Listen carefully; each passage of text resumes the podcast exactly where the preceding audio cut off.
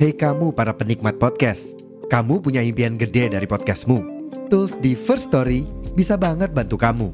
Mulai dari F-Link, Dynamic Audio Insertion, sampai statistik yang komprehensif, semua ada di First Story.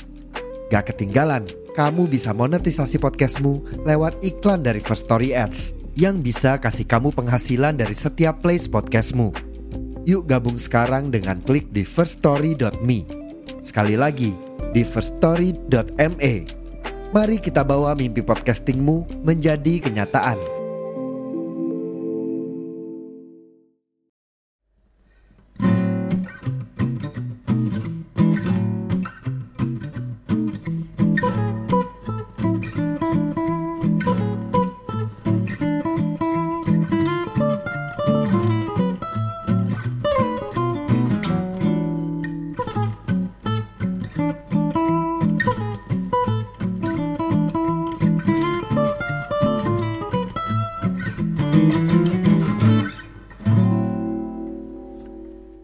Selamat datang di Optis, obrolan para tifosi sepak bola. Selamat pagi, siang, sore, malam teman-teman yang mendengarkan Optis. Semoga kalian semua sehat di mana pun kalian berada. Di episode 22 ini nih, pembahasan kali ini kami bakal bahas eh, preview, review, dan juga membahas eh, gosip-gosip ad- yang terjadi di dalam ataupun di luar lapangan. Karena kami ada bahan gosip nih di luar lapangan nih, hal teknis maupun non teknis.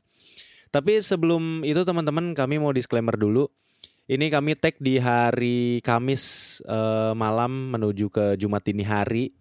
Ini udah otak-otak sisa, tenaga-tenaga sisa dan juga ini bertepatan dengan sudah berlangsungnya pertandingan antara Lazio melawan Bayern Munchen yang di mana sungguh sangat mengejutkan Lazio bisa mencuri kemenangan.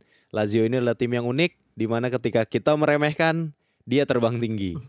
Nah, Eh, terus disclaimer yang kedua teman-teman itu adalah eh, pembahasan ini mungkin nggak akan terlalu yang deep banget gitu ya. Jadi ini kita ngobrol santai-santai aja karena ini juga sebagai sarana kami melepaskan penat dan juga stress relief gitu ya. Dan semoga teman-teman yang ngedengerin juga eh, mendapatkan manfaat itu. Jadi stresnya teman-teman juga bisa eh, relief gitu. Amin. Kecuali teman-teman timnya Iya, amin. Kecuali teman-teman timnya kalah gitu ya. Soalnya teman-teman hater saya. Nah, Kecuali teman-teman hater saya Rangga karena karena Rangga ini teman-teman ya mungkin kalau teman-teman nggak dengerin atau nonton Pin Sport di Rangga ini tuh di Pin Sport tuh bener-bener ini lagi banyak diserang ini. lagi jadi Emang sebenarnya jadi musuh masyarakat. nah tapi ini buat teman-teman yang dengerin Optis kita kasih tahu sedikit ya di balik layarnya. Sebenarnya emang itu teman-teman apa? Rangga tuh sengaja-sengaja aja gitu. Emang seneng aja dia memancing keributan. Nah, saya kan perwakilan dari kaum Aldi- intelek.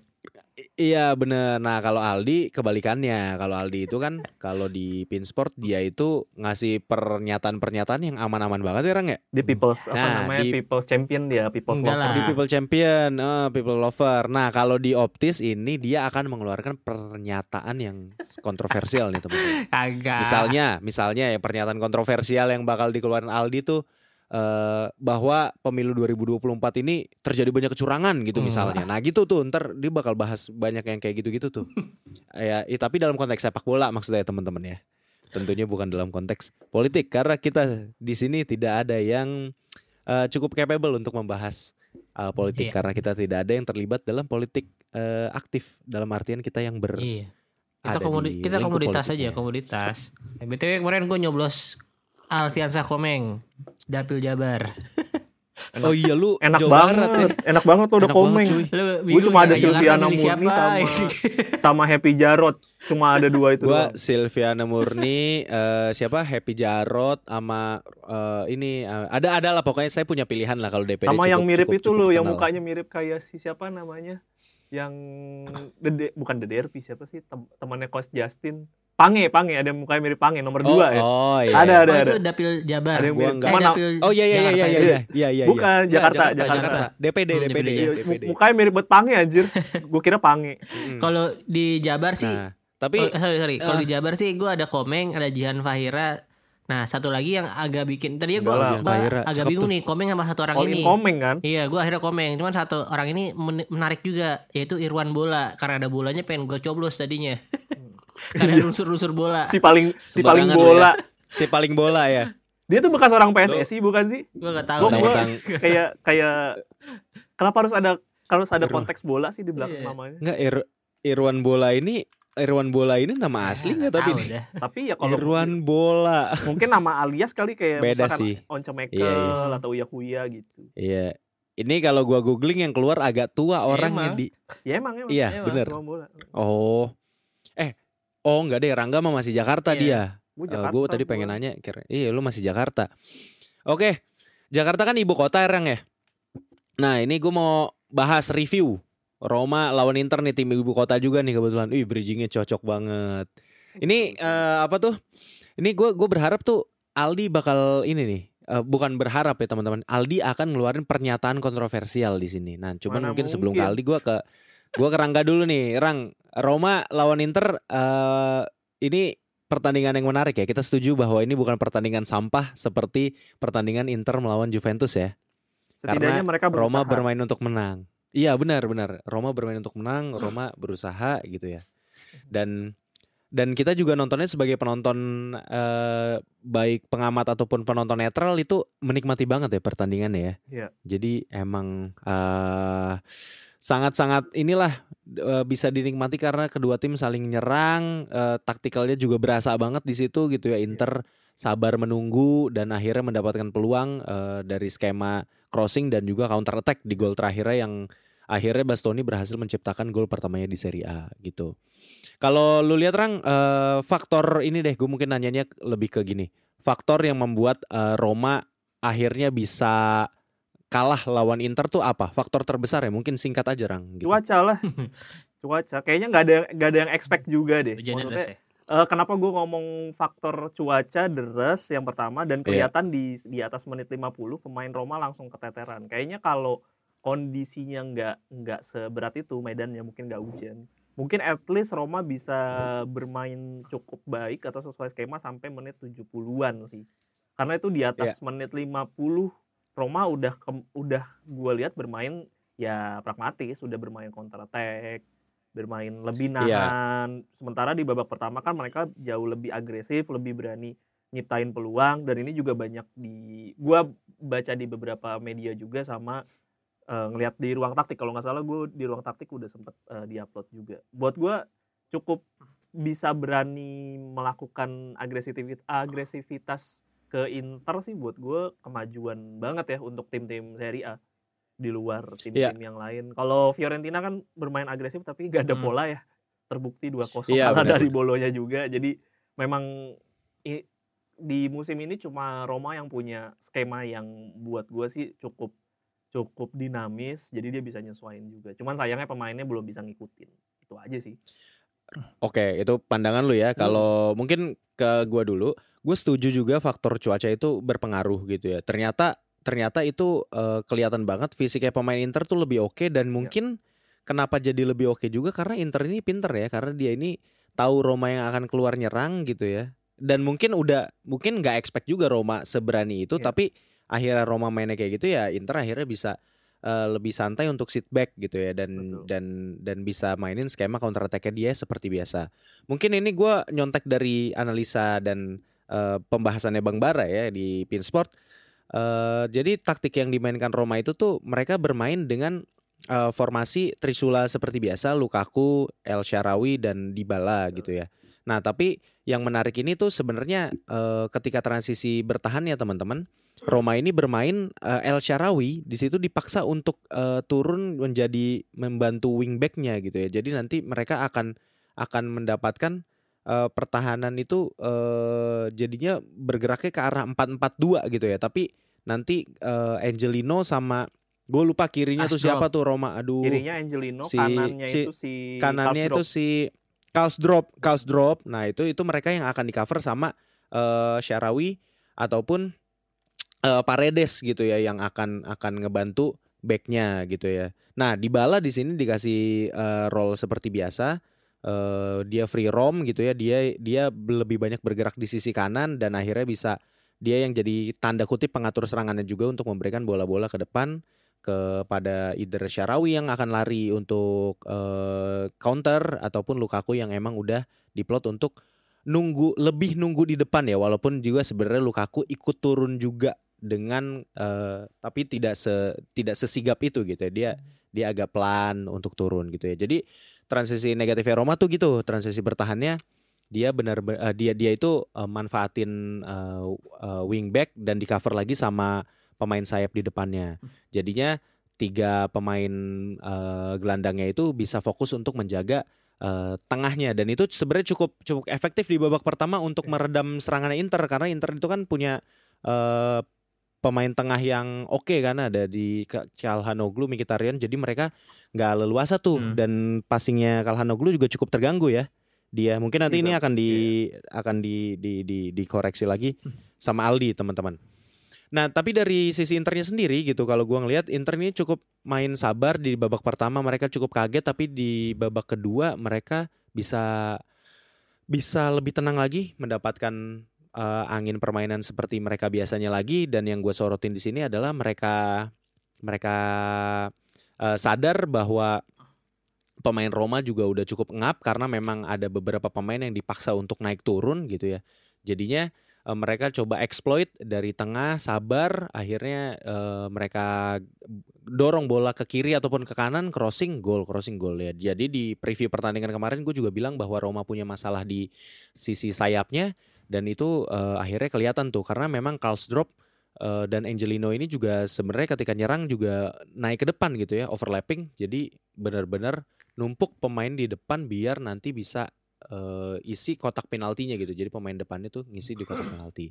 Pertahanannya Inter itu di lini tengahnya itu mereka eh, lebih lebih lebih numpuk pemain di tengah dan yang gua lihat mereka berhasil di babak kedua itu berhasil untuk memblokade eh, line passingnya AS Roma. Makanya pemain Roma nggak bisa nggak bisa mem- mem- mendistribusikan bola secara leluasa walaupun kalau yang kita lihat Rang ya banyak beberapa banyak kali operan-operan karena eh, operan-operan Hmm, yang bagus banget juga. dari Dybala ataupun eh, si Paredes siapa biasanya. Pele Paredes Paredes, Paredes, ya. Atau Pellegrini Pellegrini lebih, atau Pele- lebih Pellegrini ke juga. Ball killer sih kalau gue lihat sih dia kayak ball, Iya ball winning iya midfielder. long ball direct ballnya Iya, dan killer buat- ballnya dari Pellegrini juga kan Hmm, Biasanya eh, kalau Iya. gue lihat sih Pellegrini lebih main jadi ball winning midfielder. Jadi yang Mm-mm. ngalirin bola itu memang lebih banyak Paredes. Tapi problemnya di babak kedua Paredes sering banget salah mispas. Mungkin karena iya karena kontur lapangan yang udah udah karena hujan atau apa pun ya. Cuman Iya. banyak banget ya ya ya ya dia mungkin lebih banyak salah pas di babak kedua sih dibandingkan babak pertama. Dan gue Iya, dan- mesti apresiasi Inter sih. Eh, ngelihat bahwa Roma mulai keteteran, dia langsung gan- eh, mengganti pemain-pemain yang dirasa kayaknya kalau gue mainin di atas 70 menit bakal lumayan keteteran. Acerbi Jadi, langsung diganti. Cedera sih sih ya, dia ketarik Eh, sih. iya. Acerbi itu segitu ya? Eh, ditarik. menit 60 Heeh. 70 ya gue agak Oh, karena ketarik ya. Pokoknya be- Mm-mm. beberapa pemain yang dirasa mulai kelihatan penurunan performanya langsung diganti dan yang menurut gue sih yang agak unik Hmm. memang di menit 80-an yang strikernya diganti semua kan. iya Strikernya benar diganti Ya. semua. Yang kita kira bakal nurunin tempo ternyata memang dia bermain lebih wet and see karena kan udah Ya. udah dapat keunggulan sebenarnya karena udah unggul 3-2 di posisi itu. Yang kita kira bakal Ya. jadi tiga sama malah Hmm. Romanya yang keteteran. Iya, be- betul, betul, betul. Dan dan yang terakhir, gue mau eh, apa tuh opini dari gue. Lukaku di situ Masih mainnya ada agak tolol dia. ya. Emang dia kalau lawan Inter kayak suka ada-ada aja. Gue kesel banget, gue gergetan banget sama Lukaku. Gak, gak ada yang gangguin loh. Di ada- pertandingan ini gak ada Masih- gak ada iya, yang iya, nggak gak ada ada. yang tepuk tanganin, gak ada yang ngehuin, tetap lu, tetap Iya, masih di kandang, masih aja goblok mainnya. Jadi emang udah bukan. Jadi Lukaku nggak bisa bilang ini faktor mental ya. Emang dianya aja entah kurang latihan, entah salah makan kali, salah makan nih. Jadi Dan gue ngeliatnya kayaknya di, obrot-obrotan. di, di tacticalnya DDR kayaknya memang peran Lukaku jadi berasa lebih tumpul. Gue nggak tahu karena memang secara taktikal atau memang Lukakunya nggak bisa keep up sama taktiknya De Rossi. Gue nggak tahu sih. Itu masih gue masih bertanya-tanya sih di beberapa pertandingan terakhir. Kelihatan mungkin dia dapat gol tapi bukan bukan Lukaku banget lah gitu. Nggak nggak kayak kita lihat Lukaku di Inter ataupun prime-nya Ya. dia gitu loh. Atau di Belgia deh. Beda banget sih gaya bermainnya. bukan bola nyamannya Lukaku gitu Iya ya betul gol ya. betul. Nah gue nggak tahu deh itu akan jadi problem buat dia atau gimana. Karena gue juga emang eh, entah kenapa tiba-tiba dapet plot tanpa disuruh untuk memperhatikan Roma dan gue juga dengan senang hati memperhatikan Roma, gue akan ngelihat juga sih gimana eh, Lukaku bermain ke depannya dan bisa jadi kalau memang eh, analisa dari lu benerang dan kemungkinan besar benar bisa jadi posisi Lukaku itu akan digantikan sama striker lain gitu mungkin di situ bisa dicoba sadar Asmun gitu ya untuk Atau, untuk eh, sebenarnya ngedorong. Tammy Abraham Betul. udah Mm-mm. kemungkinan Atau recovery Abraham juga udah- dari di Iya benar Temi. Gua rasa Temi Abraham lebih cocok, lebih cocok untuk main di skemanya Daniel De Rossi yang lebih dinamis kayak gini gitu. Oh, Eh, Baldanzi yang striker-striker dito- tipikal. Baldanzi yang ditorong itu. didorong ke depan karena lebih gila Iya. aja sih. Iya. Bisa jadi ya, gua tapi, nggak tahu, gua tapi nggak tahu. Baldanzi itu agak miniatur dia postur ya Rang. Jadi kalau untuk jadi striker utama tuh kayaknya kurang. Bapak kurang kalau melupakan gue Dres ya. Mertens di cerita ini. Iya, Iya, iya. makanya eh, kan kita nggak tahu nih eh, arahnya De Rossi Iya mau sih, pakai iya sih, gua ngerti. taktiknya kayak gimana. Gua ngerti. Siapa tahu Gua Bal ngerti. Baldanzi memang sama kayak Mertens tuh dia kan sama-sama eh, attacking midfielder atau second striker. Terus kalau dibikin Ya, jadi cuman gua- striker lubang gua nggak tahu sih. Bisa jadi bagus, Iya. bisa jadi nggak dapet juga. Cuman gua nggak tega kalau ngelihat si Baldanzi sih. dijadiin striker Kemarin juga udah dipukulin berapa Iya. orang gitu. Tapi memang Iya, mainnya makanya. galak sih. Dumfries orang. dia. Dumfries. Kemarin ribut sama siapa aja di kemarin? Dumfries ya? Dumfries ya? Kayaknya ada Yang dua di dua orang kanan, lagi eh, dia yang dia kiri sempat kiri Roma karena Inter kayak yang ketemu sama Dumfries Pavard gitu, lah. itu masih 19 Iya, tahun loh. Anak sekecil itu berkelahi Iya. dengan Inter udah luar biasa loh. Iya, kalau dari Aldi nggak usah kita skip aja Rang ya, karena dia nggak pernah mau mengeluarkan pernyataan-pernyataan seru. Eh tapi tapi sebelum gua ngasih pendapat, ini mungkin kita ralat beberapa episode sebelumnya aja. Kita ngomongin back kirinya Roma itu ada Jeta Sende. Ternyata Jeta Sende itu Hmm, adalah hmm. Angelino. Nama panjangnya adalah Jose Angel Esmoris Tasende. Waktu itu kita sempat ngira itu siapa gitu kan. Tasende itu si Angelino, Iya. Angelino itu main dari awal karena di episode kemarin Nah. kita itu ngomong dia digantiin kan di menit 10. Oh iya benar benar benar. Nah, Iya. untuk ya tadi kan lu sempat eh Rangga sempat bilang kalau faktor salah satu faktor eh, utamanya cuaca. Tapi ya menurut gua cuaca juga berpengaruh ke internet juga. Kedua tim tuh berpengaruh. Cuman di sini Iya. dengan strategi DDR yang baru memang eh si Roma ini lebih menguras tenaga menurut gue ya strateginya DDR sekarang lebih fluid, lebih dinamis, jadi menguras tenaga banget dan gue Iya, lihat di menit iya, iya, 60-an iya, ke atas betul. Pemain-pemain Roma tuh udah ya sedikit ya ha- hampir kecapean banget lah dan yang gue ini justru si Dybala bisa main sampai 86 men- 86 menit. Jadi menurut gue ya faktor utamanya fitnessnya mereka dan kalau misalnya mereka udah bisa ber, terbiasa dengan strategi ini strategi DDR ini beberapa musim eh beberapa bulan ke depan ya gua rasa bukan jadi masalah lagi untuk mereka ya, untuk untuk Roma gitu untuk bermain seperti itu karena ya di babak pertama eh faktanya ya mereka bisa unggul 2-1 Iya. gitu dengan bermain seperti itu. Ya despite walaupun golnya itu satu dari counter attack, satu dari dari set piece ya. Tapi kalau dari counter attack memang sebagai fans Inter gue expected lah lu dengan tim yang Iya bermain iya iya. pakai WCB yang sering maju dan ya sering rotasi ya pasti akan akan ada celah untuk tim lawan melakukan eh, golin dari skema itu skema counter attack. Dan kemarin juga cukup bagus counter attacknya. Ya simple pas aja bola dari Lukaku ke Pellegrini Pellegrini dorong ke Sarawi. Dan ya secara eh itu ya dia gue tak gua akan bilang itu pasti dia Mengejutkan miscue sih gitu itu. bolanya kan.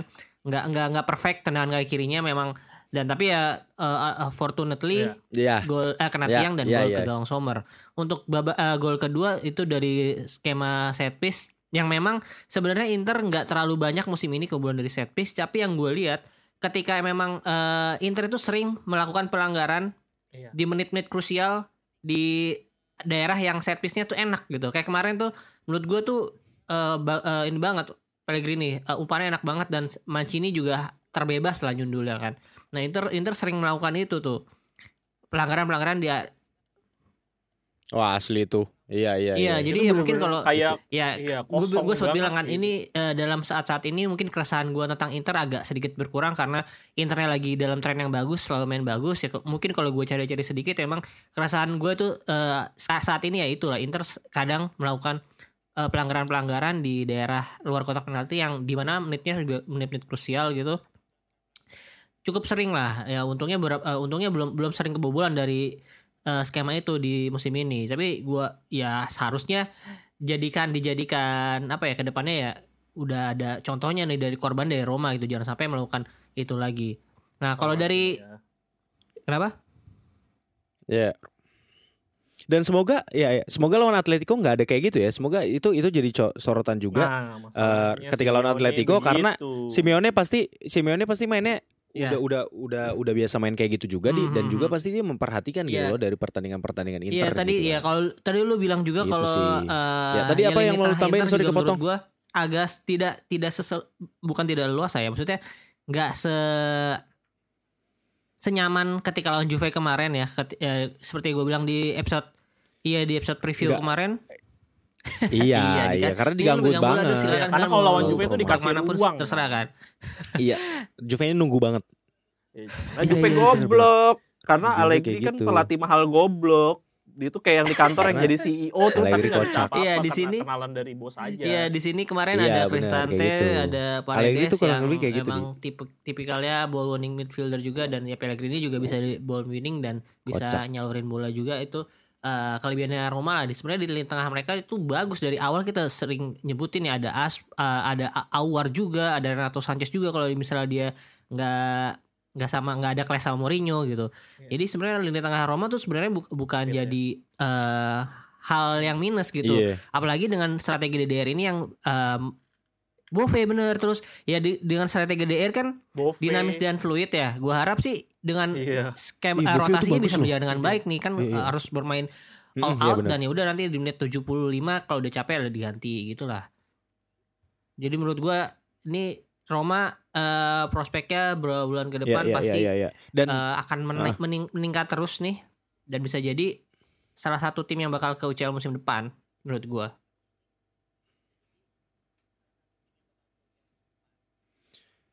Amin, amin, amin. Gue cukup Atalanta. berharap ya, Atalanta juga walaupun harus bagus mengorbankan soalnya. Napoli ya, tim kesayangannya Rangga gitu sedih juga. Enggak Iya, sih sebenarnya karena Atalanta. karena Ya. di di sisi lain juga bolonya kan mau. lagi lagi lumayan perform kan.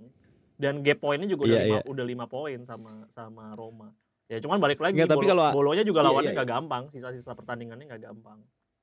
Iya, kalaupun kalaupun uh, bolo apa tuh Atalanta yang kesingkir ya, maksud lu mau lu mau mau mau ngorbanin siapa lagi? Di orang UCL slotnya 4 doang. By the way, Lawan by the way sedikit teman-teman, ini informasi ketika kita lagi tag ini, Roma tuh lagi main lawan Feyenoord. Mereka bertandang di kandang Feyenoord. Ini gue juga sambil uh, nonton tipis-tipis. Eh, mungkin itu nanti akan kita jadi bahasan eh, di minggu depan ya permainannya Roma gimana. Tapi gue tapi gue cukup optimis Roma bisa menang sih di pertandingan lawan Ya, Feyenoord semak- ini. gitu ya. Semakin jauh Roma Roma berjalan di Eropa Europa League Hmm. makin Iya. makin melenggang Atalanta dan Bolonya di Serie A. Itu aja sih. Mereka mau pilih. Iya, jadi ke mana. dia Atau tiga ya musim dulu Roma terus sekalian masuk final Europa Eropa League tuh oke masuk banget berarti tuh. League. Nah, itu. Nah, itu statement yang lu bilang Iya, be- benar-benar. Iya. Itu itu oke banget sih. Tapi gue gua sebagai fans Milan gue berharap Milan sih yang masuk. Ya. Cuman kalaupun Roma nggak apa-apa lah, udah Milan tuh nggak usah lah fokus Serie A aja Milan. Romanya aja kasih ke sana. Itu buat Aldi statement bold kayak gitu tuh yang harus lu contoh dari Rangga gitu loh di baik di Pinsport ataupun di Optis gitu. Gitu caranya bikin uh, bold statement di biar jadi kontroversi gitu, biar digoreng sama orang gitu. Kan Lu kan gua ini semangatnya bung, bung handuk gua, bung handuknya Serie A gua. Iya, toel, toel, toel, toel, toel gitu. Oke, eh kalau sedikit aja, kalau lawan Frosinone, ya udah nggak usah dibahas lah ya. Itu kita udah cukup banyak ya. Harusnya sih nggak ada masalah ya lawan Hmm. Frosinone. Eh, Frosinone Roma. juga lagi lagi lumayan nggak stabil. Tapi mungkin Iya, aja tapi memang Frosinone bisa mengejutkan, cem- ya. Cuman Mm-mm. ya Pasti, pasti. So far kita nggak bakal terlalu fokus ke situ lah. Iya, tapi pelatihnya agak cacat Frosinone. Francesco. Kalau Eh, De pengalaman Francesco gue udah kemarin Francesco lupa dia beberapa pertandingan terakhir kayak Balik-balik ambil soalnya. keputusannya aneh. Yang Tapi ya udah. itu baru de ya? Eh Francisco baru si Lecce ya lupa gua. Ya fresh itu.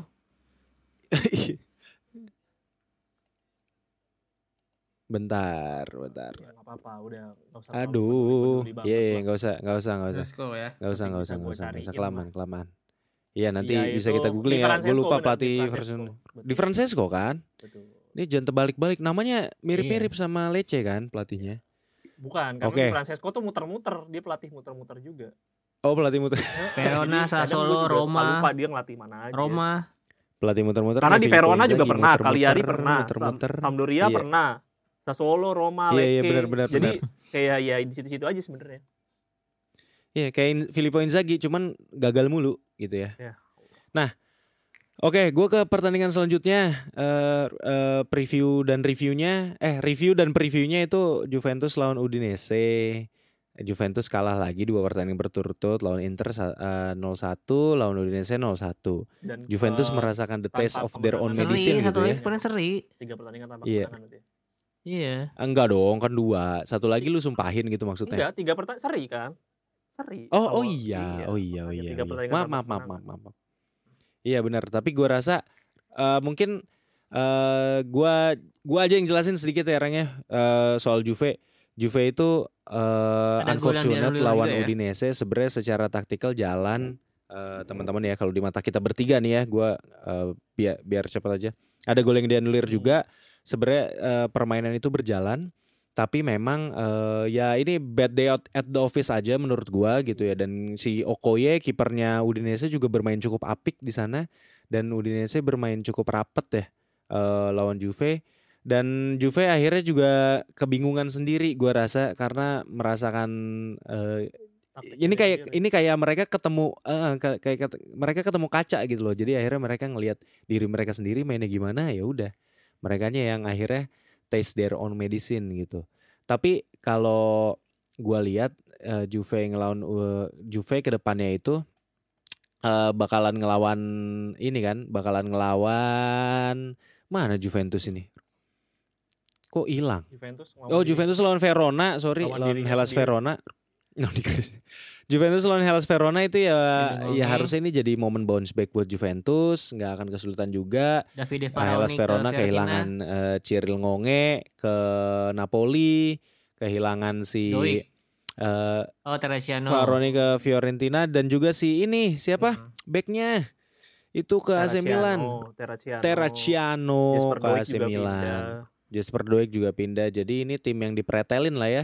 Kalau. Juventus masih gagal eh, untuk menang, ini berarti kita harus panggil saksi ahli alias Bang Anjar ya dari Sinyora Podcast. Ini tolong dijelaskan gitu apa yang salah dengan timnya. Tapi tadi siang, Rang, gue ada ngobrol sama Bang Anjar, gue juga nanya gitu Juventus. eh gue senggol-senggol dikit ya, Juventus gimana nih? Kata dia, nggak apa-apa kok. eh Juventus kalah lagi. Emang targetnya Juventus kan cuma empat besar gitu. Dia sarkas kepada pelatihnya sendiri sebenarnya, yang mematikan semangat Hmm. fans dan anak-anak muda di Juventus yang harusnya bisa harusnya maksudnya maksudnya kesempatan untuk Scudetto itu ada tapi dipatahkan dengan enggak target kita empat besar kok nggak tahunya takutnya takutnya ya takutnya dia kelempar dari empat besar karena kalah sama Roma dan Atalanta gitu takutnya Ya, kalau kayak- Ya kayak bisa gitu jadi, kan. bisa jadi. Jadi Dan kalau lo dengar berita di gua kayaknya baca di La Gazette ada salah satu fansnya Heeh. Juve yang nyewa eh, billboard di di New York. Iya, di New bener, York dia bener. bikin ga, iklan untuk Allegri out. Dan bener. backgroundnya hitam, jadi kayak cuma tulisannya kalau lo mau, Juventus maju sih ya Allegri out. ya Allegri out ya benar dan benar kalau benar. lo Itu- tahu itu kan nyewa nyewa billboard di di sana kan nggak murah ya sebenarnya dan itu kan gede banget itu lumayan Iya, bener. Ya harusnya sih biasanya kalau yang pesan itu kan cuma bisa Erigo kan.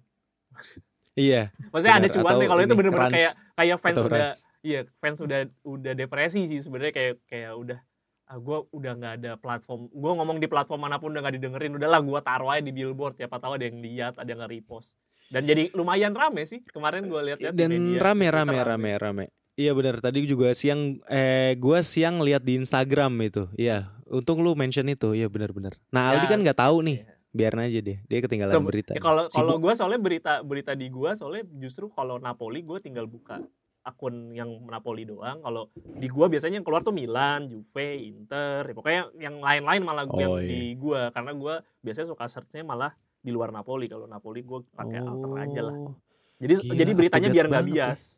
Biar enak. ngerti ngerti ngerti Mm. eh tapi ngomong-ngomong soal itu kayaknya gue juga harus ini deh harus menelan ludah gue sendiri untuk bikin TikTok deh tapi akun TikTok gue gue bikin ini ya bener-bener bersih gitu jadi gue follow akun-akun bola kayaknya lumayan tuh Bisa juga, bisa Karena juga. karena rame banget kan berita di sana. Gimana di? Gue mungkin nanya lu ke sebagai anak Kebanyakan ini TikTok, sih, apakah berita-berita TikTok bola di TikTok ini eh, cukup eh, doang. mudah Gua didapat dan kalau cukup TikTok lebih ke legit? makanan ya? gue mah nggak ngurusin bola.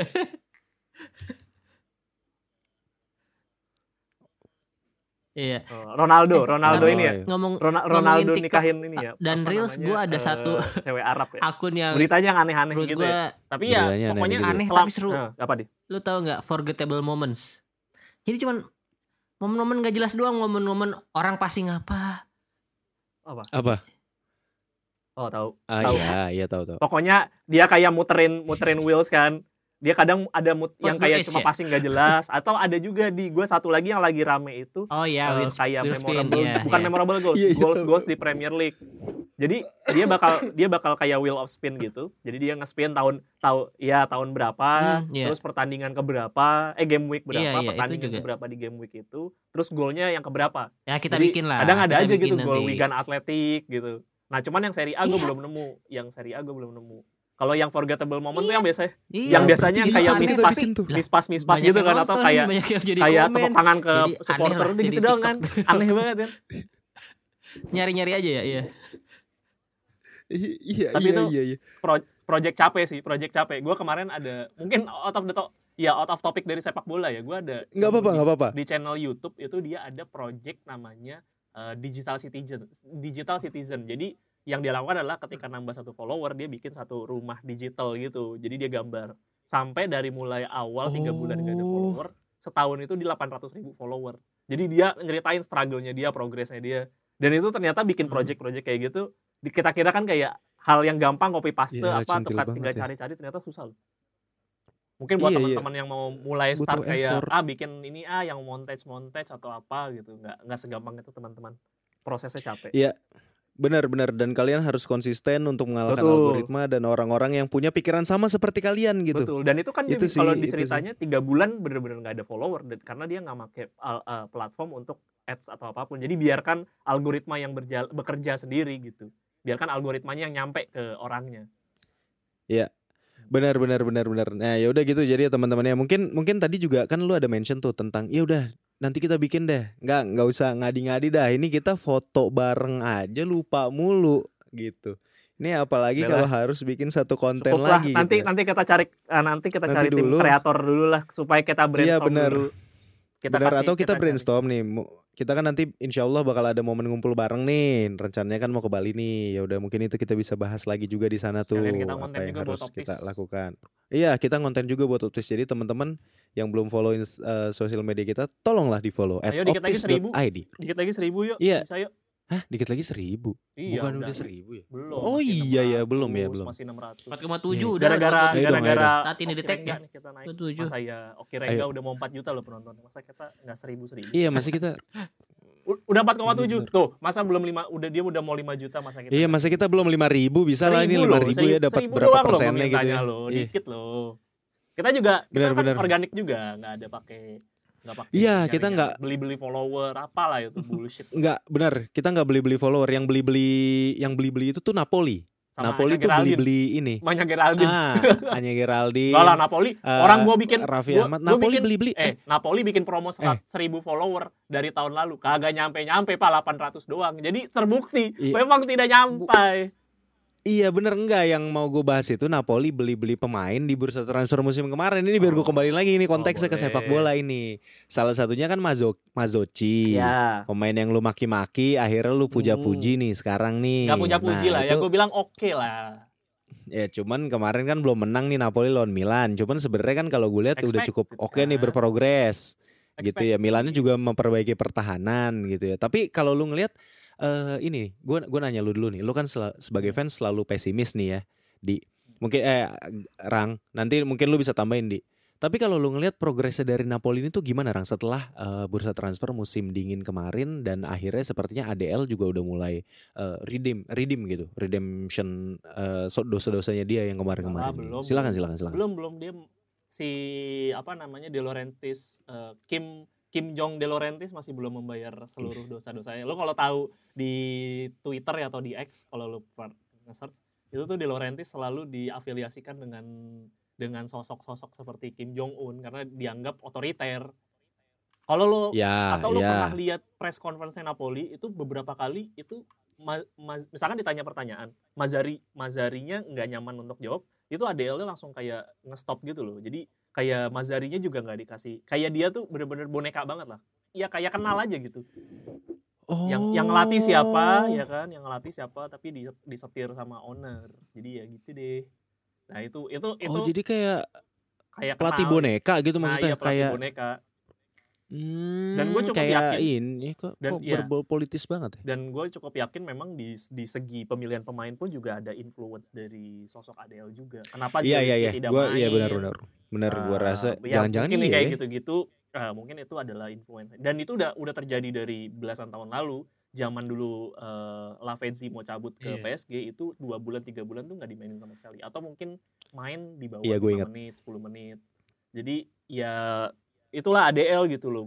Gi- gimana pun ya dia yang ngebawa dari seri C ke seri A tapi banyak juga yang ngebahas bahwa kayaknya masanya memang udah saatnya lu turun dari jabatan lu sebagai owner sih karena mesti diakui ngebawa eh gimana ya lebih kayak lu yang ngebangun tapi lu yang ngancurin juga.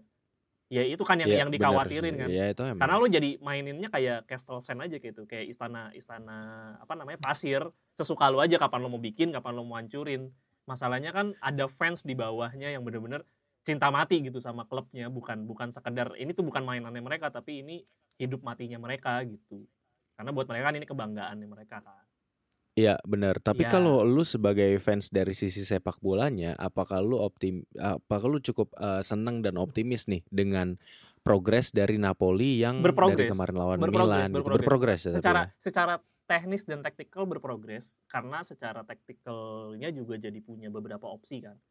Gue bisa mainin back 4 kalau gue mau bermain lebih ke depan gue bisa mainin back 3 kalau gue pengen Mm-mm, bermain iya. lebih stabil. Itu sih udah udah cukup berprogres gue cukup happy juga ngelihat ngelihat progresnya. Tapi bukan berarti menuju ke arah yang baik ya. Buat gue sih masih panjang perjalanannya.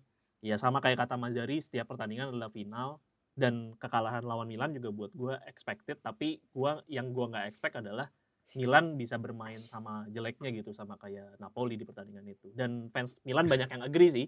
Di ya gua kan research juga kan di dia di Iya. media-media lain di X juga mereka bilang ini ke, ya ugly win gitu. Yang dilakukan sama Milan itu adalah ugly win. Karena mesti diakui setelah gol itu ya Milan bermain seperti ya bingung juga sama kayak pertandingan pada saat Iya, pertemuan nggak- pertama kali dua sama itu sebenarnya sama juga. Iya.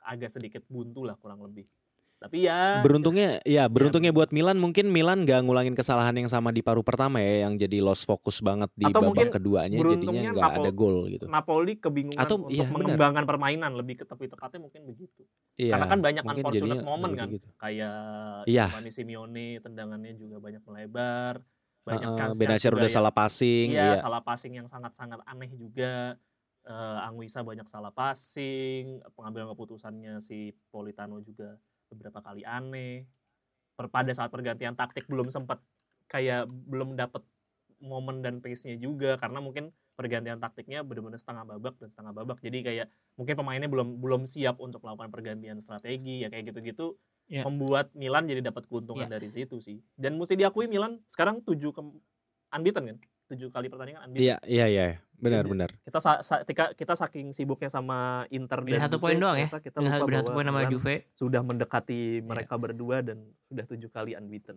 Iya, cuman nggak Iya, usah tapi ini menurut gua Iya, Sehingga sebenarnya poin benar Eh, benar. nggak Cuman agak nggak usah banget sih kemarin Milan. Cuman nggak kalah bagus aja sama juga jersey ter eh, jersey terbarunya mereka. juga gitu.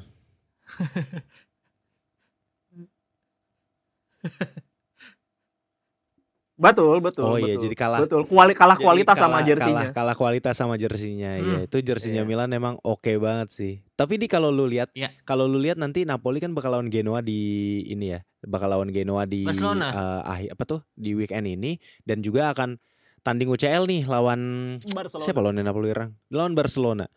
Nah kalau dari lu di kalau lu review deh, lu yang review nih. Kalau Rangga kan ini banget nih dia udah udah realistis banget kalau dia gitu. Kalau dari lu mungkin dari Jelas kacamata yang berbeda jelas dari sisi lah. dalam Eh, lapangan ini. beberapa pertandingan ini ada berprogres. eh, nih kalau nggak salah sempat kan si Mazari balik ke formasi andalan dia kan walaupun nggak lama ganti lagi gitu kan. Nah jadi memang Mazari ini ini menurut eh, ini eh, statement gue ya kalau misalnya Betul. emang Napoli nggak dapat Conte sebaiknya terusin aja sama Mazari dulu seenggak seenggaknya satu musim lah. Bukan bukan bukan sampai akhir musim ini dulu. Karena siapa lagi kalau nggak dapat Conte gitu loh udah siapa Tuchel. ah saya mending ganti ke fans Ah. Dortmund kalau begitu Tapi maksudnya lu lu harus harus harus harus Ya, dari nol lagi sekalian ya, gua ya, mah kalau gaming nggak juga sekalian sih. tuh Tapi emang ada ada ada waktu lah kalau misalnya dari awal musim lah. Tapi ya udah kalau menurut gua sih dengan beberapa skema yang dicoba Mas dari eh, beberapa pertandingan ini memang ada ada peningkatan cuman hasilnya memang belum belum selalu bagus ya. Kemarin menang sekali doang ya. Eh dua kali apa menang sekali sih gue lupa. Dua, dua kali seingat gue soalnya. Iya. Eh, Dua kali kan. ya itu juga kali. tanpa Osimhen nggak waktu itu Anguissa juga sempat gak ada beberapa pemain ada yang cedera. Nah ini gua mau nunggu Napolinya saat bener-bener full tim bisa main semua dan sehat-sehat semua sih. Nathan cedera, Oliveira cedera, iya makanya gua Iya, Makin Iya, Rang. bapuk. iya Rang. Enggak, enggak, enggak tahu. Enggak, enggak, Gua enggak. gua gua Enggak, enggak. Gua rasa menang itu. enggak karena yang Gua gua pikirin yang gua pikirin bukan faktor di dalam Iya, lapangan kalau- dan teknis kualitas pemain ya, tapi faktor di luar di luar eh, teknis ya non teknis. Kayak Osimhen ya maksud gua kayak statement statement yang nggak perlu gitu loh bahwa kayak lu pengen pindah ke Premier League. Maksudnya lu masih enam bulan lagi gitu maksud gua untuk apa lu mengeluarkan statement kayak gitu terus ribut lah sama agennya ke Farad maksud gua kayak hal-hal yang kayak gitu loh me- merusak chem- chemistry dalam lapangan dan di luar lapangan sih buat gua. Itu yang buat gua jadi lumayan lumayan mempertanyakan kalaupun ini jadi full tim lagi apakah kualitasnya sama dengan yang kita harapkan di awal musim gitu. Itu doang sih Ah, tapi gua rasa bisa loh. Ini kan profesional ya. Pasti Osimhen juga bisa. Kemarin kan lu waktu anak pindah kerja juga nih. gitu. Lu ributin lu ributin anak magang, lu ributin bos lu sendiri, tapi kerja mah kerja aja. Anak Dokumentasi lu ribet. hand over Anak semua Lagos ribet. gitu. Beda ya? anak Lagos Beda ya? ini Pak memang kita Ya, sama-sama negara ya, berkembang tapi setidaknya intinya kalau kita ketika melawan baik Genoa besok ya. Lagos lah ini sebenarnya Genoa juga bukan tim Ya, yang lagi gimana, jelek walaupun ya? kemarin kalah dibantai Atlanta 1-4 ya gue lihat di situ Atalantanya mem- Atalantanya Iya. memang lagi bagusnya justru. Gue lihat Atalantanya emang eh, beyond emang di atas Genoa cuman Atalanta, ya kalau iya, kita lihat dari beberapa pertandingan sebenarnya Gen- Genoa ini juga lagi unbeaten loh. Terakhir kalah itu 10 Desember lawan Monza baru kalah lagi kemarin 12 Februari. Juga sebenarnya berarti sebenarnya Genoa lagi dalam track yang oke nih. Sekarang udah di, di posisi 12 melawan Napoli yang saat ini lagi menurut gua masih mencoba eh, beberapa skema-skema dari Mazari dan ya gua nggak tahu nih si Osimhen kan udah balik. Dia bakal langsung dipakai dan dia mainin dan langsung nyetel banget dengan ya kan udah, udah lama nggak main ya langsung nyetel banget atau enggak. Kayaknya Cuman kalau langsung di sini- dimainin Dedi karena kemungkinan kan oh iya. Enggak eh, karena enggak concern gua ke situ di eh, karena kan eh, bakal ketemu Kayak kemarin, Bayern- eh, Simone Barcelona. tetap ya? kayaknya kemungkinan Hmm. nggak bakal dimainin sih itu Ya, doang jadi, sih. kemungkinan bakal pakai mau main atau enggak dengan Osimhen menurut pertandingan Genoa masih Milan. tetap ada peluang gua. untuk Hmm, hmm, eh, hmm. paling gede seri tapi menang juga masih bisa Eh, karena ini udah di posisi 12 dan ini posisi di mana ya ini eh, aman dari bawah cukup aman dari bawah dan bisa siapa tahu bisa naik ke 10 besar gitu jadi Genoa nggak nggak punya beban di sini mainnya gue lupa kandang apa tandang Eh, mainnya di kandang Napoli dan Napoli juga pasti ada ada ada perhitungan untuk rotasi karena melawan Barcelona Napoli. seperti yang lo bilang tadi Kandang jadi Napoli dulu gua kan. menganggap di sini akan seri justru nih Genoa akan bisa menahan Napoli. Hmm.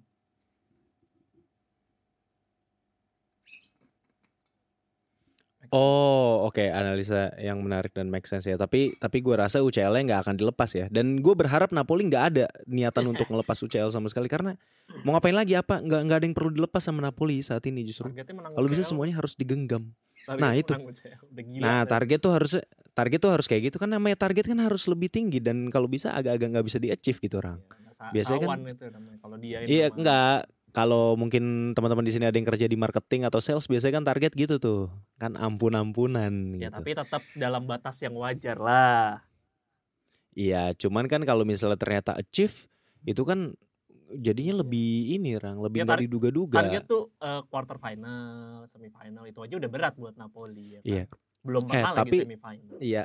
Iya sih, tapi menurut gua ya kalau emang anginnya lagi datang dan emang rezekinya ada di Napoli yang bukan nggak mungkin gitu. Dan dan apa tuh namanya? Ya mungkin untuk tim-tim lain juga berlaku yang sama ya. Tapi kalau untuk khusus untuk Napoli ya gua rasa keberuntungan berpihak di Napoli ya bisa aja tiba-tiba dia sampai semifinal. Nah, ngomong-ngomong soal keberuntungan, ini sebenarnya ada pemain yang bukan pemainnya yang beruntung sebenarnya. Mungkin teman-teman yang punya pemain ini di Serie A Yup. Fantasi. Nah, ini lagi panen banget, sayur banget. Uh, gokil. Ricardo Orsolini 2 game 4 gol. Aldi, silakan. Ya, ini Lu Orsolini sebagai pakar eh, fantasi Premier League kita. Eh, fantasi ya. Premier. Ini salah satu main Serie A eh, fantasi pemain kita. Sorry, sorry. bolonya yang harus kalian punya ya Orsolini karena loh ini. sejauh ini selain eh, ketika Zirkzee lagi nggak works Orsolini dan eh, si Ferguson sering jadi Iya. jawabannya ya dan ini terbukti Orsolini bisa cetak du- empat gol tadi dua gol yang lawan Sassuolo juga itu keren dua-duanya. Satunya ada yang first time eh Sassuolo apa yang itu ya? Kebalik gua. Sassuolo benar Fiorentina kan kemarin ya. Itu yang first time ke kaki kiri wah itu placingnya ke pojok kanan. Kiper keren banget. Ja- yang sering Fiorentina kita sebut juga sebagai lightnya Berardi. Bahkan eh, menurut gue ini kalau misalnya dia Iya. konsisten di musim Gurih ini dan musim depan bakal bisa melampaui walaupun sekarang umurnya udah 23 apa 25 ya gue lupa deh kalau Berardi kan udah, udah late 20-an ya ini 2 20 jadi mungkin masih ada ada harapan untuk bisa ngelewatin itu ya karena Berardi kan nggak berani main di luar 25, Sassuolo ya 25. 25. Ya. ini Orsolini iya tapi dia interisti dia masih agak bingung soalnya mau ke Juve apa enggak nih Dia pengen ke Juve banget, cuy. Nah, terus lu mau nanyain tentang apanya? Ber- eh, tentang bolonya ini? Iya. Apa Orsolininya? Ya, jadi bingung lah ya.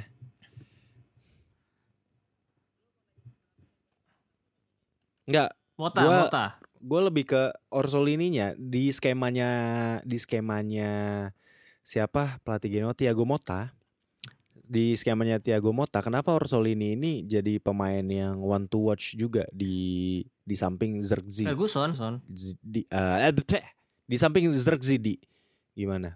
Dan Iya, ada satu lagi iya, kan kalau nggak salah siapa lah ya satu lagi ya? Ya kalau menurut gua Pemain ini. Zirkzee udah si jadi Ferguson seperti magnet juga Ferguson jadinya itu, iya, sekarang menurut itu. Iya, Gimana di, lu- di saat Zirkzee dapat perhatian banyak dari taktikal. Iya, di saat Zirkzee udah dapat oh iya. perhatian dari banyak back-back eh, lawan Iya, gitu. Kemarin kan kayak Yildiz ya kayak dia Yildiz ya main kalau di yang Juve ya. yang seperti kita bilang cukup barbar. Eh ya pemain-pemain kayak Ferguson, Orsolini dan bahkan Selemakers kemarin juga eh, cukup bagus mainnya. Harusnya bisa jadi eh opsi opsi keduanya, opsi kedua atau ketiganya gitu. Dan kemarin ketika gue gua lawan Fiorentina gue nggak nonton karena baru kemarin banget kan gue juga belum sempet eh, analisanya. Cuman lawan eh, Sassuolo sih dia selain ngacak-ngacak dia juga eh second second ball second ball atau se- second choice-nya bolanya tuh kayaknya memang udah di udah diplot sama Mota kalau nggak bisa lewat le- lewat sa- sayap kanan si eh, Orsolini dia juga kadang-kadang eh, gantian sama siapa ya gue lupa deh entah itu sama Fabian atau sama Endo Si ya ya Orsolini. pokoknya ya kalau misalnya dia lagi eh iya sama iya kalau dia lagi nggak perform ya dia juga eh karena dia musim ini ya musim ini tuh kadang-kadang perform banget atau nggak perform banget karena kita tahu kan kemarin dia lawan apa 4 gol tapi setelah itu kadang-kadang hilang hilang dulu terus muncul lagi Iya. iya Selemakers kanan kiri bisa sih Ya, tapi dia juga posisinya bisa digantiin nama Selemakers juga kalau nggak salah di di posisi itu. Iya benar. Ada banyak opsinya sih, ada Kal Kalstrom ya? Kalstrom yang nomor Iya. 10 itu. Tapi kayaknya juga lagi cedera sih. Odegaard baru tuh baru datang Iya tuh mantan main Iya, Inter Carlson. Jasper Carlson, Nah, iya, Jasper iya. Carlson. Fabian kan di gelandang. Iya jadi menurut gua ini juga eh, Zirkzee yang kita tahu baru lagi bersinar musim ini mungkin Dan banyak tim yang udah udah aware sama dia dan ya. udah menyiapkan strategi untuk mematikan dia. Nah, justru dengan strategi itu membuat dua winger mereka lebih aktif dan lebih mengancam sih itu sih menurut gua. Mhm.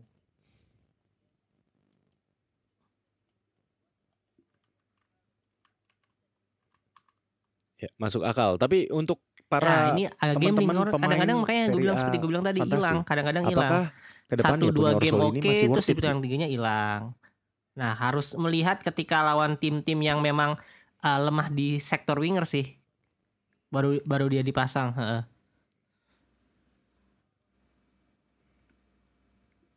Oke, oke. Oh iya iya, baru Hmm. baru dia dipasang ya. Tapi kalau untuk lu punya si Orsolini ini masih oke lah ya. Mungkin bisa lu cadangin dulu atau apa gitu ya. Jadi atau lu beli lagi ketika eh, emang ketemu lawan yang eh, back- Naik, naik. tuh, Sekarang lagi 7,8 sayap-sayapnya juta kalau nggak salah. di bawah dia kualitasnya. Tapi kalau untuk lu beli lagi ya jangan lah. Kadang-kadang kan harganya naik ya kalau dia mainnya udah bagus apa segala macam Mending- harganya naik. Mending cadangan, mending kalau Iya. mau taruh gitu cadangan. Mending lu cadangin. Iya. Iya. Rang, kita kalau misalnya gue mau masuk lagi nih, ini kan udah kita bahas tuh tadi eh, cukup cukup lengkap ya eh, review-review. Nah gue mau masuk ke preview nih pertandingan. Mungkin singkat aja. Kalau untuk yang paling dekat dulu nih seri A, seri A dan nanti UCL ya.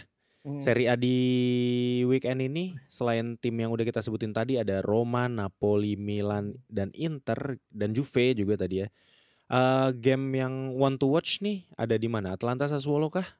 Apakah akan menyajikan pertandingan Eh, seru gitu? Atalanta Sassuolo Iya. ya. Gua mungkin ya, tapi gua ngeliatnya juga Sassuolo masih lagi terseok-seok gak sih di di beberapa pertandingan terakhir Oh iya. juga masih Iya, menunggu- benar, benar, menunggu menunggu Sari, betul, lagi. justru Sari ya. Lazio Bolonya bakal jadi pembuktiannya Thiago Oh, Motta iya, kembali dan pembuktiannya Sari juga bahwa ya Iya ya lagi. ya Sari kan masih di, bisa dibilang kan masih yoyo banget nih bahwa kadang kalau lagi perform ya perform kalau lagi enggak ya bener-bener enggak banget gitu buat ditonton. Ya inilah pembuktiannya Sari mungkin kemarin lawan Bayern Munchen oh ya kita tag ini Bayern Munchen eh, Lazio udah kelar menang juga Lazio. Udah kelar. Ya mungkin bisa dibilang Lazio juga lagi dapat angin yang bagus karena Bayern Munchen juga lagi jelek banget dan Dayot Upamecano itu si goblok itu juga ya gua nggak tahu lah apa apa dasarnya seorang Tuchel masang Upamecano Maguire itu maksudnya kan ada Iya, iya, iya, ada iya, iya. De Ligt, masih ada Eric Dyer kayak terakhir kan pertandingan yang lawan Leverkusen juga main pakai back 3 juga gua Penalti tahu yang apa kar- alasannya yang bikin itu si. Upa Upa ya? Ya, Kartu merah kan dia. Tuchel mungkin ya jadi Mhm. ya kan itu golnya juga penalti kan biarpun ya penaltinya juga dia, dia, dia Iya. Upame Upamecano betul betul betul ya mungkin itu lagi angin bagus juga ya tapi ya itulah menurut gue pembuktiannya Lazio juga di di bawah di bawah Sari apakah bisa mengalahkan tim kuda hitam bolonya atau enggak buat gue sih yang mungkin Jonata Jonata kali ini yang lumayan bisa dibilang big bukan big match lah ya pertarungan papan atas ya Lazio bolonya. Lazio Sisa- Bolonya. Oke, ya, setuju sih, setuju agak- sih. One Sisanya agak, agak ya. timpang sih. Sisanya memang kalau dilihat agak agak Dia- lumayan iya. jauh gap gap positionnya juga lumayan jauh. Betul. Ya. Di atas kertasnya Di itu atas ya. kertas, agak- betul. Tapi agak kan jauh. sisanya Benar, biasanya yang benar. makin kita remehin makin aneh kan pertandingannya.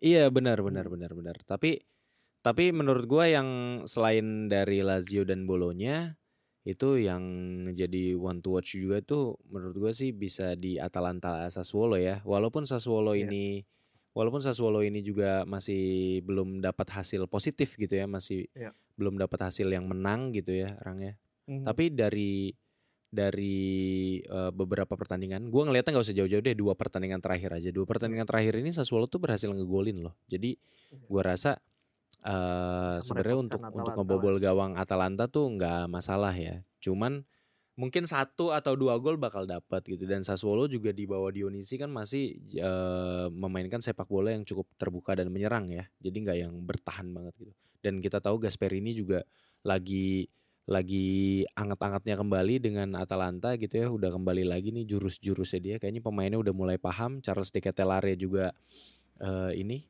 udah udah on form lagi gitu ya. Eh dan dia benar-benar kayak jadi bisa jadi ini penyesalan buat AC Milan sih ngelepas si Charles de Ketelare bisa gitu. ja- bisa jadi Iya. bisa jadi ke arah sana atau gue mungkin nambahin ya Salernitana Inter pertandingan antara posisi 1 dan posisi 20 di mana Salernitana Nah, juga iya. ganti pelatih buat gue juga menarik ini- untuk ditonton sih Ini ada fakta menarik yang akan disampaikan oleh Aldi nih. Eh, Oke. Jadi ini, Ini segmen fakta me- merangkum data tapi fakta data menarik yang ada, ada di, luar Fabio lapangan. Liver- Silakan Aldi. Fabio Liverani ya. Laporannya Ternyata langsung. Fabio Liverani adalah Apa apa yang menarik dari Inter dan yang Salernitana? ya cukup akrab lah dengan Simeone Inzaghi sebagai pemain sepertinya ya karena mereka Ya. cukup bermain banyak ada di 112 match mereka dalam skuad yang sama main bersama di lapangan sebanyak 58 match dan yang menarik terakhir itu sebelum melatih Salernitana dia ngelatih Cagliari. Nah sebelum Cagliari dia ngelatih Parma di Serie A. Jadi dia balik lagi akhirnya ke Serie A setelah eh, dua tahun berarti di terakhir tuh 2020-2021 Iya. musimnya. Ketika menang- ketika menangani Parma dia hanya bertahan selama 16 giornata. Di mana di giornata 16 dia kalah menghadapi Gianpiero Gasperini lawan Atalanta kalah 3-0. Setelah itu dia dipecat. Seharusnya di Giornata 17 Oh, Atalanta. si Liverani akan menghadapi Simone Inzaghi yang masih melatih Lazio nih. Nah, BTW Lazio eh Simone Inzaghi dengan Liverani belum pernah ketemu sama sekali sebagai pelatih ya. Belum ada head to headnya. Nah, sayang sekali di musim Ya, itu Oke. dia gagal untuk dapetin pertandingan pertamanya. Nah, tapi namanya jodoh Ya. nggak ke mana.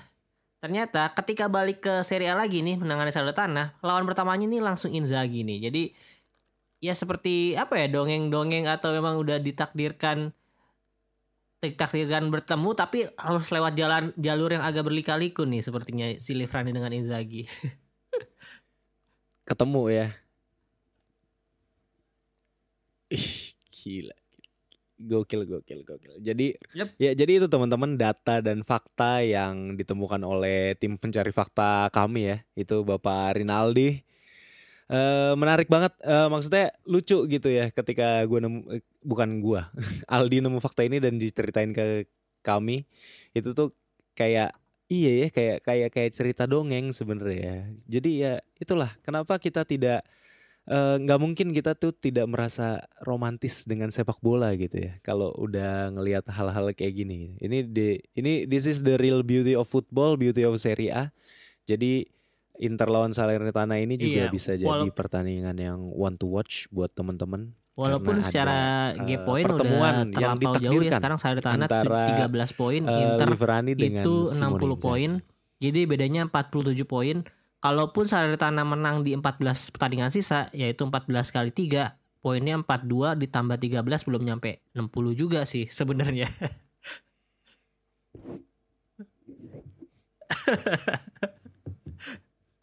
iya, iya. Tapi iya. ini Liverani ya ya kan gagal kan menurut gue ya di Cagliari ya di seri B kan kemarin kan Salernitana nggak nge- nyari juara menangani juga Cagliari. Bapak Rinaldi gitu ya gagal lah dipecat dia digantikan Claudio Ranieri yang akhirnya berbuah manis dia bisa bawa Cagliari kembali ke Serie A ya. Nah kalau dari rekornya 20 pertandingan 6 menang 7 kali kalah 7 kali seri bukan rekor yang baik Ya, kebobolan betul. juga 26 golin 24 jadi gua gua sebenarnya nggak nggak belum menganalisa permainan si Livrani secara mendalam ya cuman ketika Iya, ketika eh, ketemu Inter terakhir itu Liverani ketemu Inter waktu ngelawan Parma di musim Ya, yang sama namanya- waktu itu gue nanti, bilang nanti Rangga aja itu, itu skornya sa- dua B sama gitu. di mana Inter sebenarnya sangat mendominasi game tersebut. Cuman si Parma mampu menyolong gol duluan ya, dua gol dari Gervinho si aduh si ganteng itulah itu sering banget repotin Inter emang.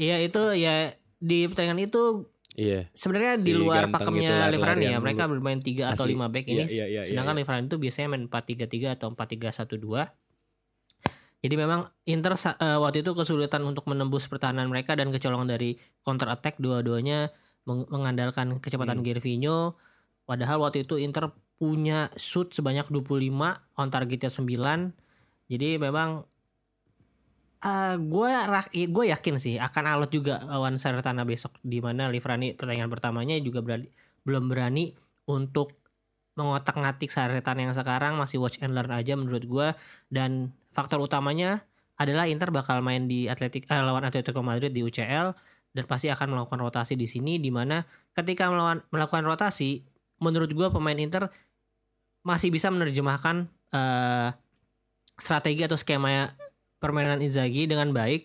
Cuman finishingnya eh, konversi jadi golnya itu belum terlalu baik. Nah makanya Permainannya ya gue harap sih di pertandingan ini aja. Di pertandingan ini ya nggak jangan lah at least lu uh, unggul 2-0 pasti pemain eh, andalan lu eh pemain utama nggak bakal dimainin jadi Amin. gue harap sih nggak bermain sih Lautaro Turam jangan sampai turun di pertandingan ini jadi gue pengen Inter fokus di UCL karena Atletico Madrid walaupun ini main Inter kalau nggak salah di kandang dulu Tapi permainan ya, ya, fisik ya. banget sih Atletico benar. Madrid tuh fisiknya oke dan ya melawan tim-tim Spanyol nggak bakal nggak Iya, pernah mudah untuk dulu, Inter. betul.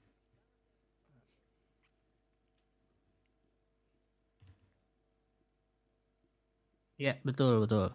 Iya benar dan dari beberapa tahun terakhir eh, Inter itu cuma mendapatkan satu kemenangan kalau nggak salah ya Mm-mm. dia itu lawan Sepanjang Barcelona. Iya itu lawan Barcelona Sociedad, ya di Sociedad. UCL beberapa musim lalu. Ke di musim ini kan lawan eh, siapa timnya si Takefusa Kubo tuh. Real Sociedad kan seri dua kali ya. Jadi ya itulah semoga Inter nggak dapat kutukan lawan Atletico Madrid. Iya. Mungkin Dan itu aja untuk episode kali ini ya. Rang ya. Mungkin saya Oh tambahin iya silakan silakan. Sorry sorry. Iya iya. ini eh, sebenarnya jadi Ya. karir terbaiknya adalah pada saat ngelatih Lecce back to back dari Serie C ke Serie A sampai musim Mm. 2020. Jadi kalau ingat di musim 2019-2020 tuh Lecce sempat Serie A tapi langsung degradasi Iya ingat sebelum ingat. balik ingat, lagi, betul, betul. sebelum balik lagi. Nah itu Mm-mm. yang ngebawa ke atas itu eh, Liverani. Jadi eh, Fabio Oke Liverani juga nih pelatih. sampai ke back to back ke Serie A. Biarpun ya sisanya manajerial karirnya juga tidak terlalu baik-baik banget ya. Win win persentasenya juga cuma 39%, lebih banyak bobolan daripada ngegolin. Eh, mungkin Iya eh, benar. hal lebih baiknya adalah Benar, benar. kemenangannya sih, kemenangannya lebih banyak sih, 78 kali, 72 kali, 50 kali seri. Jadi dia dipecat persis pada saat pertandingan ke-200-nya di karir kepelatihan. Sangat ini ya, sangat sedih ya dengernya ya. Baru dapat Palermo, Iya, Palermo. 200 terus Dramatis. dipecat gitu. Ya, Iya. dan faktanya dia pemain Lazio. mudanya pernah main di Palermo masa mudanya di Napoli sama Cagliari. Ma- paling besar karirnya kalau lo tahu mungkin kita pedio 2000-an Lazio dulu. Iya di Lazio. Lumayan lama main Iya, di iya. Lazio. Ya, Itu kita, Semoga- kita tahu dari Winning Eleven. yoi. Semoga berah semoga BTW dapat berarti hasil yang dia inginkan lah. At least Mhm. terhindar berarti dari BTW ini degradasi. eh Salernitana Ah, jadi tim kedua lah, yang ya. ganti pelatih yang dua kali ya setelah pertandingan Empoli ya. Kemarin kan yang Ah, pertama ah. ganti pelatih memang Empoli dulu, ganti si Oh iya, Empoli udah sangat terkali Dua juga kali. ya. Iya benar di musim ini. Eh, Ketiga nanti Napoli kan. Enggak, jangan. Oh, Mazari. Conte Mazzari- kan ke Milan Enggak, di, di Laurentiis jadi pelatih. Conte di Milan. Kayaknya kayaknya Rang kalau lu jadi orang kayak di Aurelio Aurelio di Laurentiis gitu ya, kalau lu punya klub bola, kayaknya lu bakal kayak gitu deh. Lu jadiin klub bola lu tuh football manager in real life lu gitu. Jadi lu Ya. nitip-nitip pemain, nyuruh-nyuruh mainin Be- ini beda gitu. dong, beda dong. Feel-nya ketika lo main football manager kan simulasi gak ada hati yang terlibat di situ. Tapi ketika lo di real life kan lo ada hati, lo ada penggemar yang harus lo dengarkan, ada orang-orang sekitar. nggak bakal lu dengerin itu, nggak bakal lu Ya dengerin. kan, kalau gue punya duit kayak gitu mah, yang pasti gak gue beli Napoli, yang lain gue beli. Ngapain amat lo yang Ya. begitu. thank you, thank you. Oke Ini lah. ini Roma Yowes, lagi ketinggalan lagi nih, Roma lagi ketinggalan 1-0. Mungkin itu aja untuk episode kali ini teman-teman. Makasih banyak udah ngedengerin teman-temanku, Ya, eh para pendengar. Iya, Roma lagi Ya, pasti- ketinggalan pasti lawan akan menang. Feyenoord. Kita doakan Roma Ya. pasti menang. Iya, amin amin. Semoga Roma menang.